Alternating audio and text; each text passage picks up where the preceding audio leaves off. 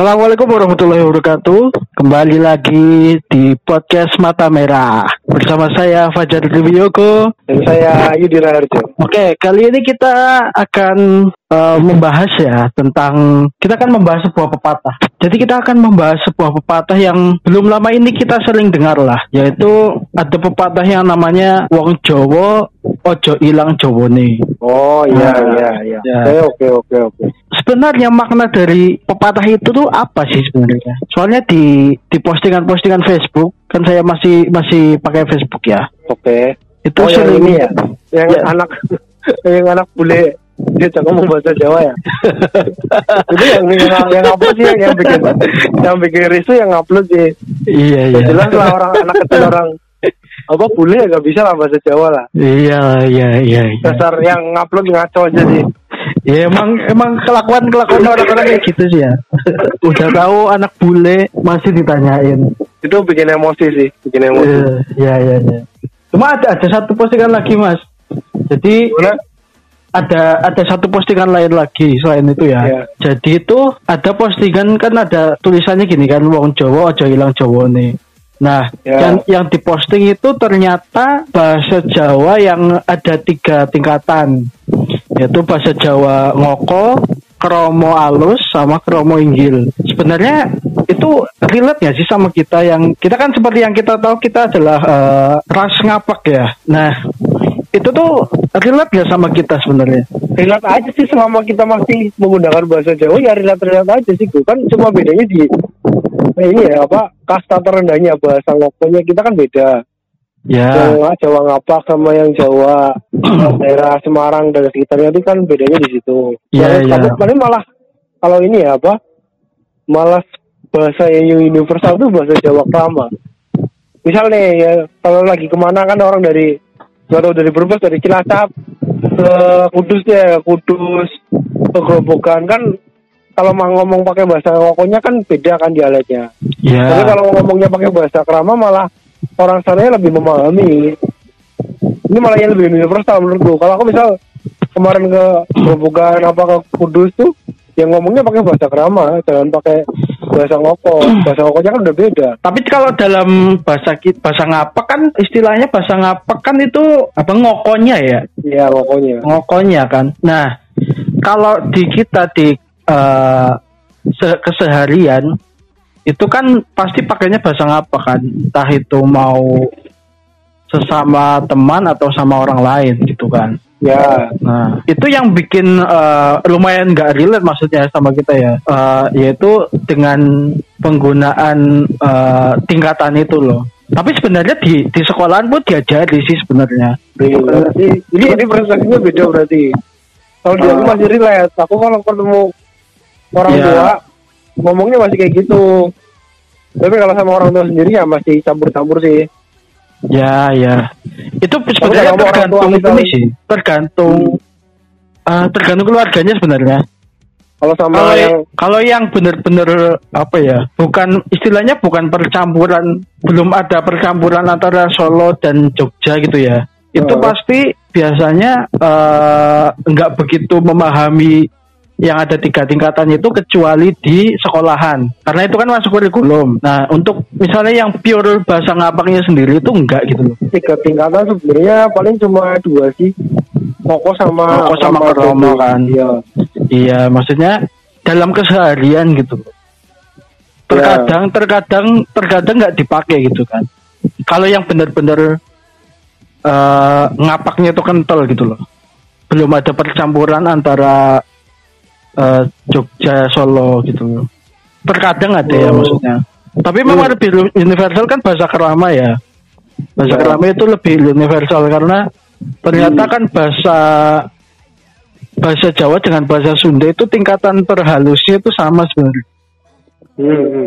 iya kan tingkatan terhalusnya ya. yang membedakan berarti di ngokonya itu ya kan kasarnya bahasa non formal ya bahasa pergaulan atau non formalnya Iya. gitu ya. Nah itu kan kita kembali ke ini ya kembali ke yang pepatah itu. Sebenarnya kan pepatah itu kan diartikan sebagai ini kan apa? Orang Jawa itu jangan jangan melupakan asalnya gitu kan. Sebagai identitas orang Jawa yang penuh dengan kelembutan dan penuh dengan kasih sayang gitu kan. Hmm, ramah gitu. ramah ramah Kan- keramahan. Oh, ramah. iya Oke, kan? oke kalau ramah betul. ya iya.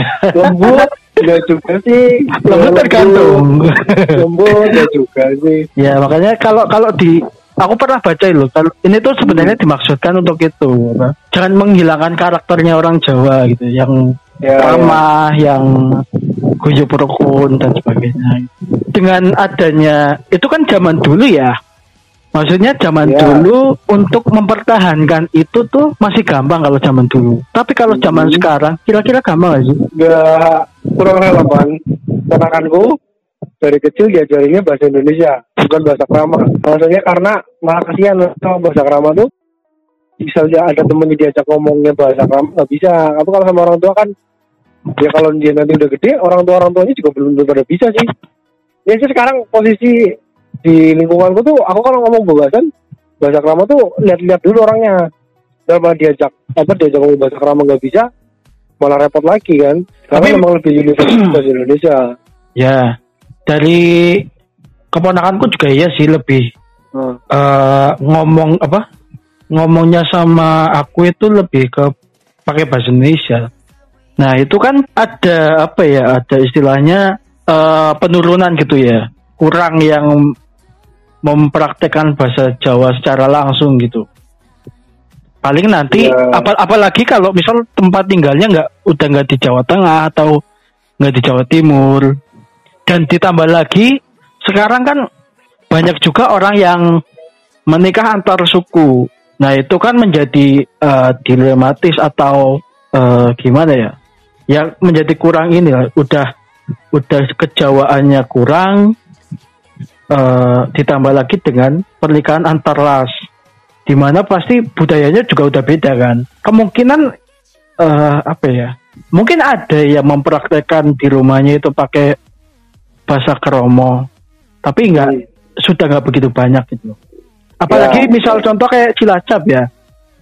ya Cilacap itu eh, sekarang didominasi dengan orang pendatang. Karena kan kita ada ada Pertamina, ada SBI dan sebagainya. Itu kan Hmm. pendatang pasti lebih banyak lagi kan. Berarti itu menjadi apa ya, ngeblend gitu aja itu. Nah, dari contoh teman-temanku juga yang pakai bahasa ngapak kalau aku misal ketemu ya gitu, ya udah mulai jarang sih maksudnya. pakainya bahasa Indonesia Ya rata-rata pakainya bahasa Indonesia itu. Itu yang terjadi di lapangannya itu. Kembali ke pepatah tersebut, berarti ke- ada kemungkinan nggak sih pepatah itu tuh akan hilang, Ya. identitas Jawanya itu akan hilang. kalau identitas mungkin susah i- di kemungkinan masih bisa. Tapi kalau bahasa hilang tuh bukan hal baru ya. Karena ada tuh pernah baca aku tuh dalam tiap tahun tuh ada beberapa bahasa yang semak semakin lama tuh semakin hilang. Kan di Indonesia tuh banyak bahasa kan. Bahasa-bahasa adat suku mana suku mana tuh makin lama tuh makin hilang. Ya, karena semakin udah campur sama bahasa Indonesia atau bahasa luar kan sekarang aja bahasa Indonesia udah banyak serapan-serapan dari luar apalagi kalau kita lihat anak-anak artis itu ya, di, di- udah Ya. kecil dari kecil diajarinnya bahasa Inggris. Oh. Itu se- semakin jauh lagi gitu loh. Ini tuh itu dari segi bahasa ya. Nah mungkin dari Hmm. segi lain, mungkin kayak kebudayaan Jawa mungkin ya, yang perlu dilestarikan. ya Nah itu untuk kebudayaan pastinya ya hampir sama kayak bahasa ya.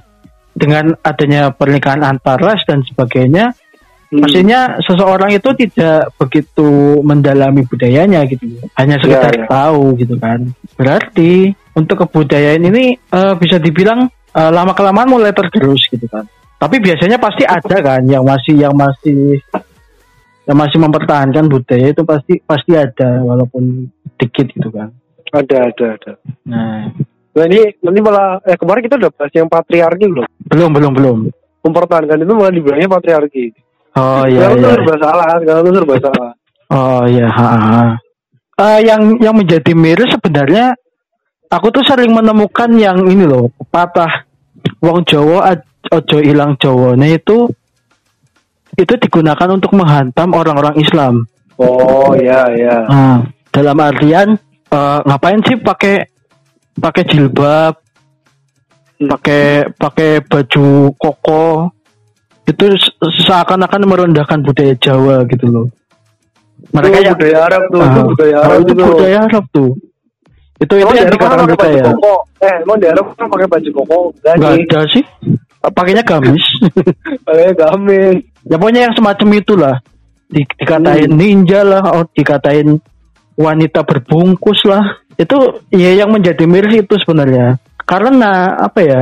Aku pernah lihat itu loh postingan ya semacam itu loh. Hmm. Jadi apain sih pakai jilbab? Pakai aja konde gitu. Ya ya ya kan kita nggak mungkin tiap hari pakai konde kan ya. Ya. Iya kan.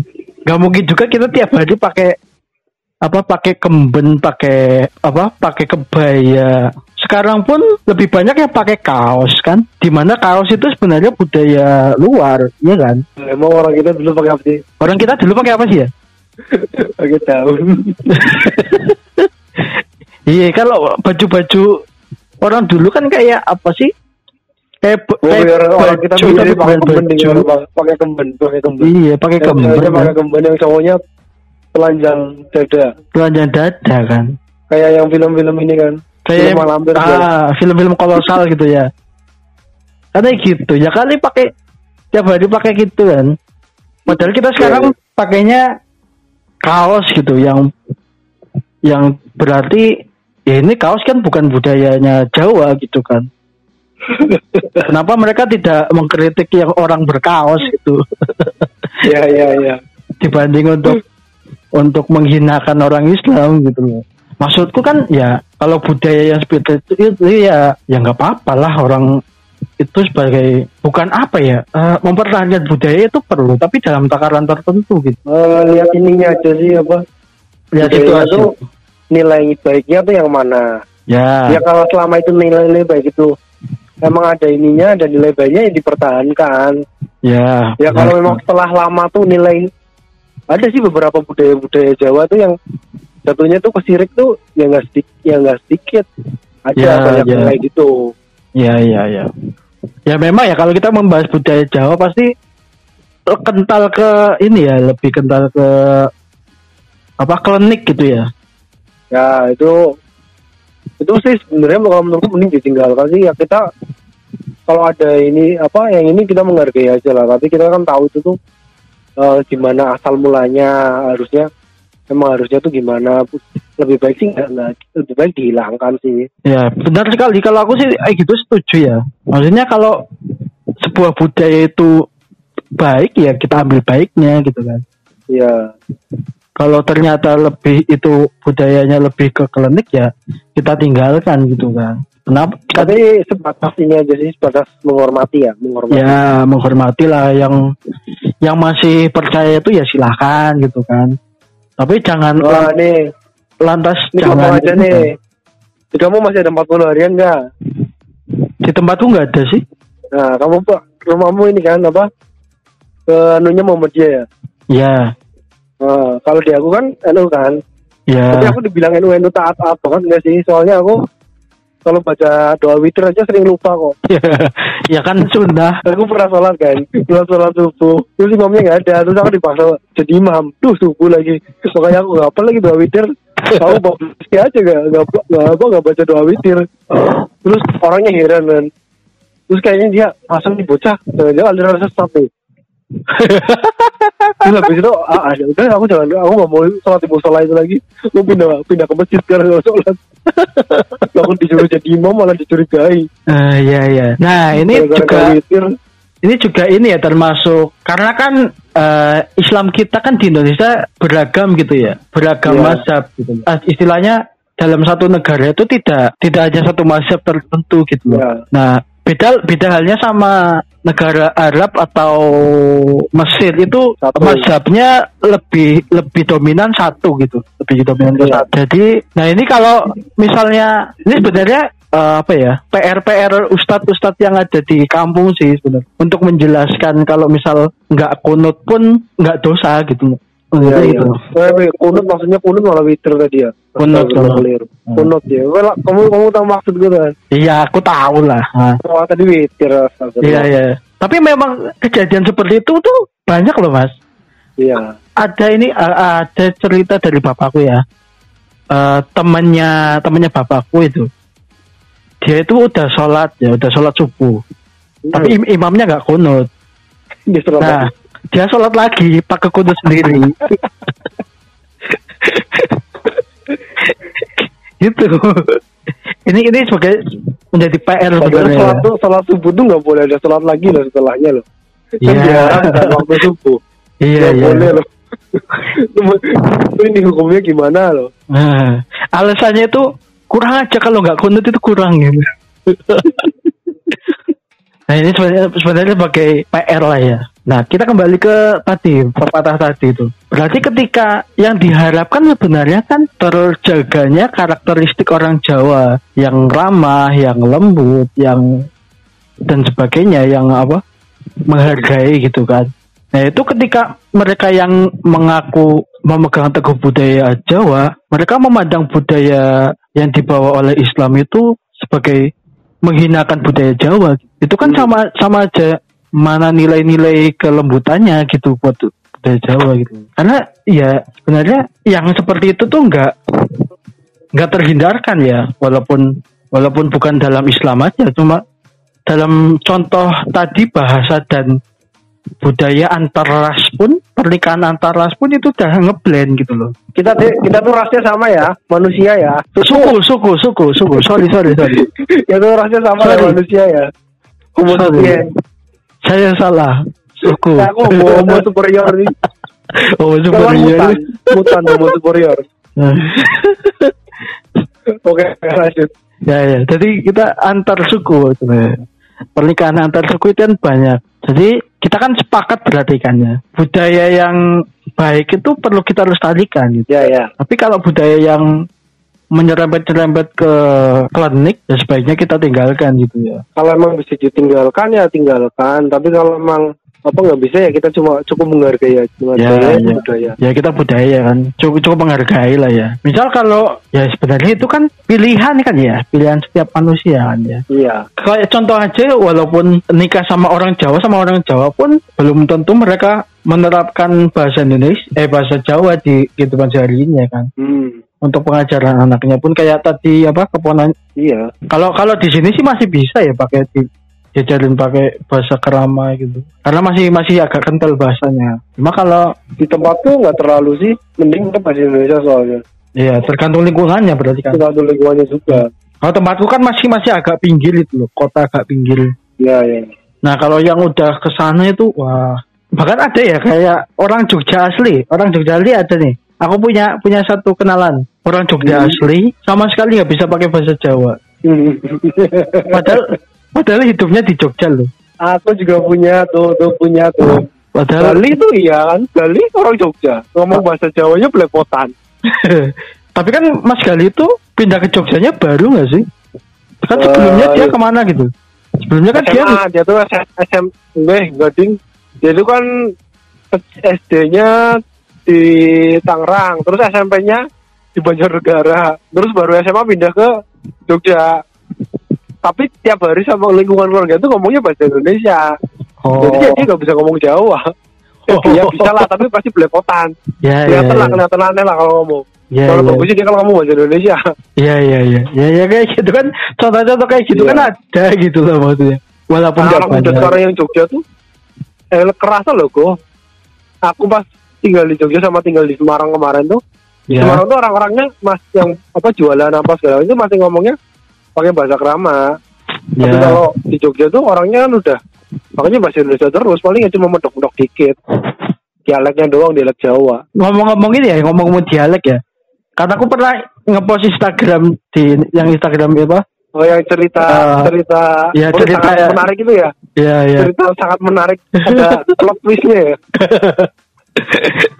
yang yang ini yang aku beli aku beli apa cartridge printer Iya. itu ternyata memang logat itu nggak bisa hilang. Aku Ya, itu ya. ngomong ngomong bahasa Indonesia padahal aku ngomongnya bahasa Indonesia loh ya. tapi dia itu tahu loh kalau aku itu orang ngapak gitu loh BTW itu lokasinya di mana sih di Cilacap juga? Apa kamu lagi di Sumatera? apanya Lokasinya di mana kok tiba-tiba kamu nebak di orang Tegal?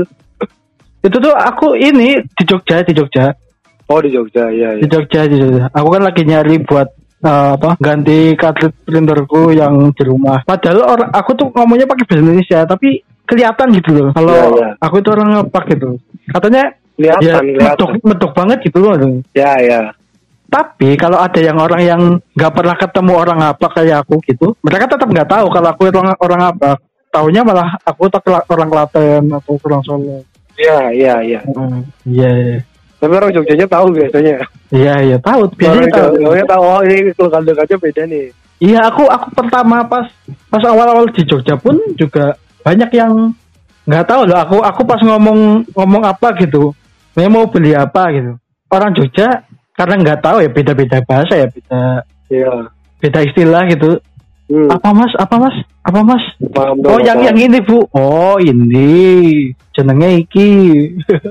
Jadi Oh, ada iya, iya. ada ada perbedaan lah pokoknya. Yang sebelumnya aku belum pernah tahu gitu. BTW ngapak selatan sama ngapak ngapak utara tuh beda ya. Per apa ya per per regional beda sih, hampir beda. Ya garis besarnya selatan sama utara. Ya, mungkin Tegal, iya, ya. Pemalang tuh ya bu ngapak pula ngapak tuh aku paham. Ya. Karena nih ada orang-orang beli yang orang di yang apa yang di Semarang yang beli kopi nih. Ya. Dua dua tarikan nafas nih dia ngomong dua kata. Dan, dan, oh, aku tahu nih, oh ini orang Tegal nih kelihatan nih. Oh lupa kan aku bilang sama temen gue, "Ini orang Tegal nih kelihatan nih. Terus ditanya-tanya ngobrol-ngobrol bener ada orang Tegal. Kelihatan sih. Orang-orang datang orang Cilacap lagi. Kalau orang Cilacap, bahkan orang Cilacap nih, ngapaknya beda sama punya aku nih. Ya. Bener ternyata orang Cilacap. Ya mungkin ada ada kriteria tertentu ya. Tapi, Tapi yang aku, aku sih aku biasanya agak udah udah lumayan paham. ya, ngobrol-ngobrol dikit, oh kelihatan nih logat-logatnya orang sini nih mirip sama oh, oh, mirip sama logatku nih. Oh Ya, ini mirip ya. sama logat orang Cilacap nih kelihatan. oh mungkin kalau ketemu banyak orang mungkin bisa beda ya. Cuma Ya bisa beda. Tapi memang eh, per daerah itu beda sih, Ya, agak-agak beda, beda. beda. Cilacap sama Banyumas pun kayaknya udah udah agak beda, ada yang beda maksudnya. Iya iya. Ya di beberapa di beberapa kata mungkin. Kayak penyeb, kayak penyebutan kowe, kowe kon Ya. kan beda. Itu tangga rumahku orang Majenang, Oh. tangga depan rumahku orang Majenang. Nah orang bahasa Majenang Jawanya pun kelihatan beda. Bahasa bahasa Jawanya kelihatan sih kelihatan beda. Iya, beda. Majenang sama Cilacap kota pun beda-beda gitu. Heeh. Udah dari Sunda ya Majenang ya? Iya, karena kan batasan sama Jawa Barat kan. Itu Ya, malah dia masih yang ini kok, yang ngapak kok. Nah, tapi memang eh, guru guru bahasa Jawa aku pas di SMA kan ada orang Majenang ya, ada orang emang Majenang.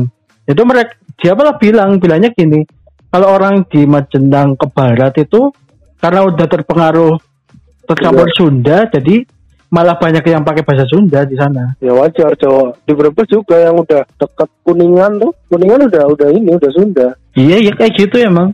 Hmm. Kalau udah deket-deket, karena kan mereka transaksinya sama orang-orang sana kan. Nah, Lebih transaksi sana. dagang dan sebagainya kan. Ini waktu khawatir loh orang-orang Jawa Tengah tuh lebih senangnya mainnya ke Jawa Barat masalahnya. Hmm, ya, ya. Yang Jawa Barat fasilitasnya lebih lengkap. Ridwan Kamil, Ya, Kang Emil, Kang Emil. Iya iya iya. Eh, memang gitu sih. Eh kayak di kalau di selatan itu batasnya batasnya mana ya? Kutoarjo apa ya? Kutoarjo, Kutoarjo batasnya itu ngapak. Kutoarjo, Kebumen, Banyumas, Cilacap itu yang bagian selatan. Tapi emang bahasa ngapak itu setengah dari Jawa Tengah sendiri ya. Ya, yang Tengahnya, ke bagian Bagian barat. sih. Ah, Barat. setengah ke barat lah Ya, tengah barat. dominasinya. Hmm. Kenapa orang Jawa Barat nggak mau disebut orang Jawa? Karena mereka ini Pasundan, kerajaan Pasundan kan. Iya. Tapi pulaunya kan pulau Jawa. Iya iya iya. Aku aku sering aku sering gini. Pernah aku ke Bogor, ke Bogor ya. Nyampe di stasiun. Nah dari stasiun ke tempatnya masku, itu kan Hmm. ngojek ngojek ya. Terus eh, tukang ngojeknya itu ngomong ke aku gitu. Habis dari mana pak? Dari Jawa ya. Nah, tapi di sini bukan Jawa apa? Loh, ini bukan Jawa pak. Tadi sepertinya saya eh, melewati sebuah selat. yang Wah, memisahkan pernah cowok ini pas tes interview kerja di Jakarta. Ya ngobrol ngobrol-ngobrol sama ini temen. Nah sebelahan sama aku tes bareng. Rumahnya mana mas oh di Brebes. Di, dari sini ke sana tuh sampai berapa jam mas? Sampai 10 jam ya Anjir. mas naik kereta tuh tiga jam sampai mas. Eh nggak nyampe tiga jam dua setengah jam. Oh jadi Brebes deket ya. Iya, langsung. kira Jawa tuh jauh banget ya mas. Dia orang mana ya? Dia orang Jakarta mas. Oh kirain Jawa tuh jauh, jauh ya jauh semua ya kirain ya. Cuma dikira gara-gara beda pulau mas. Ya iya. setengah jam orang habis itu aja aku langsung pulang kok. Pulang malam udah sampai rumah Sampai Iya, iya. aku apa jam 4 ya? Jam 4 selesai itu kereta setengah tujuh sampai rumah jam 10 loh. Iya iya. Satu hari itu dalam satu hari yang sama aku udah sampai rumah lagi. Iya emang emang kayak gitu sih. Karena mungkin karena dia belum pernah ke Jawa sih ya. Belum pernah ke Jawa Iya. Tengah Jawa Timur. Kiranya gara-gara flight datanya beda banget tuh ini jauh banget nih mesti nih dari kota nih dari Jakarta jauh banget ini. Anjir, iya gitu. iya. Iya iya iya. aku eh, gitu memang kita sering menemui gitu loh iya. Yang semacam kayak gitu tapi kalau Cilacap memang dari Jakarta jaraknya jauh. Ya jauh lah. Harus lewat Brebes dulu ke sana karena kan ada kereta langsung loh aja? harus. Ah ada ke ada. Bandung kan? Bandung enggak. lewatnya Keroya Enggak.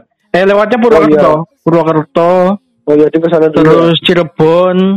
Oh iya iya. Berarti ke, ke utara ke utara ke ke timur utara. ke timur. Kok ke timur timur. dulu ya? Ke Iya. timur. Ini timur dulu dong kan Cilacap. Sebelah barat kan berarti Purwokerto gak sih eh, Purwokerto. utara lah.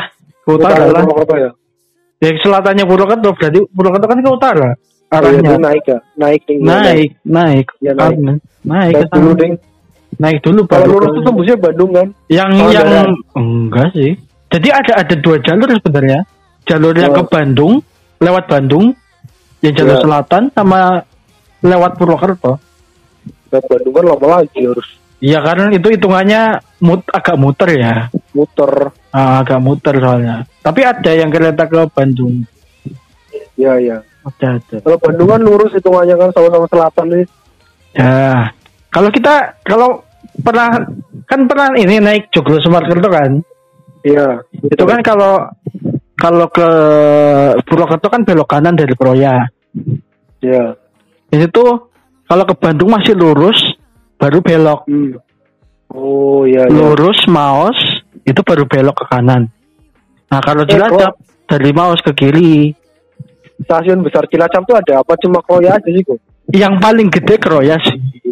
Yang paling gede. oh iya Karena itu kan di persimpangan kan hitungannya. hmm. oke Ada tambahan lagi nggak? kayaknya cukup deh udah panjang Udah ya.